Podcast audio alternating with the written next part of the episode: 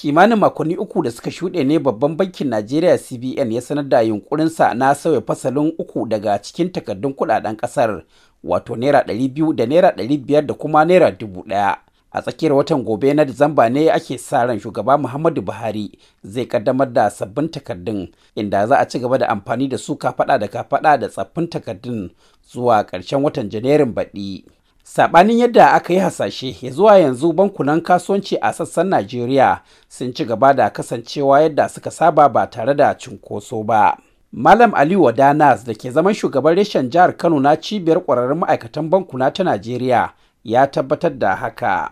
Har yanzu dai yadda muke tunanin za mu samu wannan tururuwan har yanzu ba a fara ba. Kasan kuma mu 'yan najeriya komi sai lokaci ya ƙure sannan za ka mu muna ta gudu.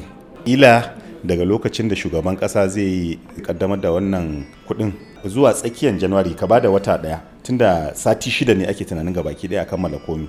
So kila a cikin wata ɗaya daga lokacin da aka kaddamar da kuɗin za mu fara ganin wannan abubuwan na mutane su fara garzayowa zuwa banki. Mai yiwuwa ne ka je siyan abu a kasuwa mutum ya ce idan ba sabon kuɗi ka bashi ba shi ba zai ansa ba saboda yana tunanin wahalan da zai je ya ɗauka ya kai banki da lokacin kuma kila akwai cinkoso. Kuma sannan wasu ma za su iya zuwa su ɗauki wannan damar wanda kuma babban banki ya hana su kula da cewa wani baya so ya je banki sai su ce to idan kana da misalin dubu ɗaya idan ka kawo zan baka ɗari tara ni zan je in yi wannan wahalar in je banki. Baya ga bankuna an yi tsammanin cewa za a rinka ganin jerin gwanan mutane a ƙananan cibiyoyin karɓa da biyan kuɗaɗe na zamani da ake wa lakabi da POS.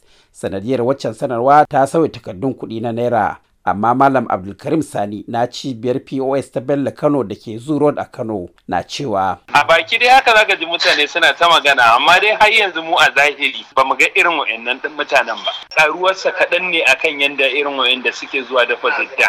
Tunda har yanzu complain din da mutane suke yi majoratin su yawanci ma dai kuɗin ne dai da babu su a hannunsu sosai. amma mai yiwuwa ne hakan baya rasa nasaba da yadda wasu daga cikin masu kuɗi a hannu suka karkata akalarsu wajen sayan amfanin gona a ƙauyuka da garuruwa a sassan Najeriya musamman yankin arewacin ƙasar.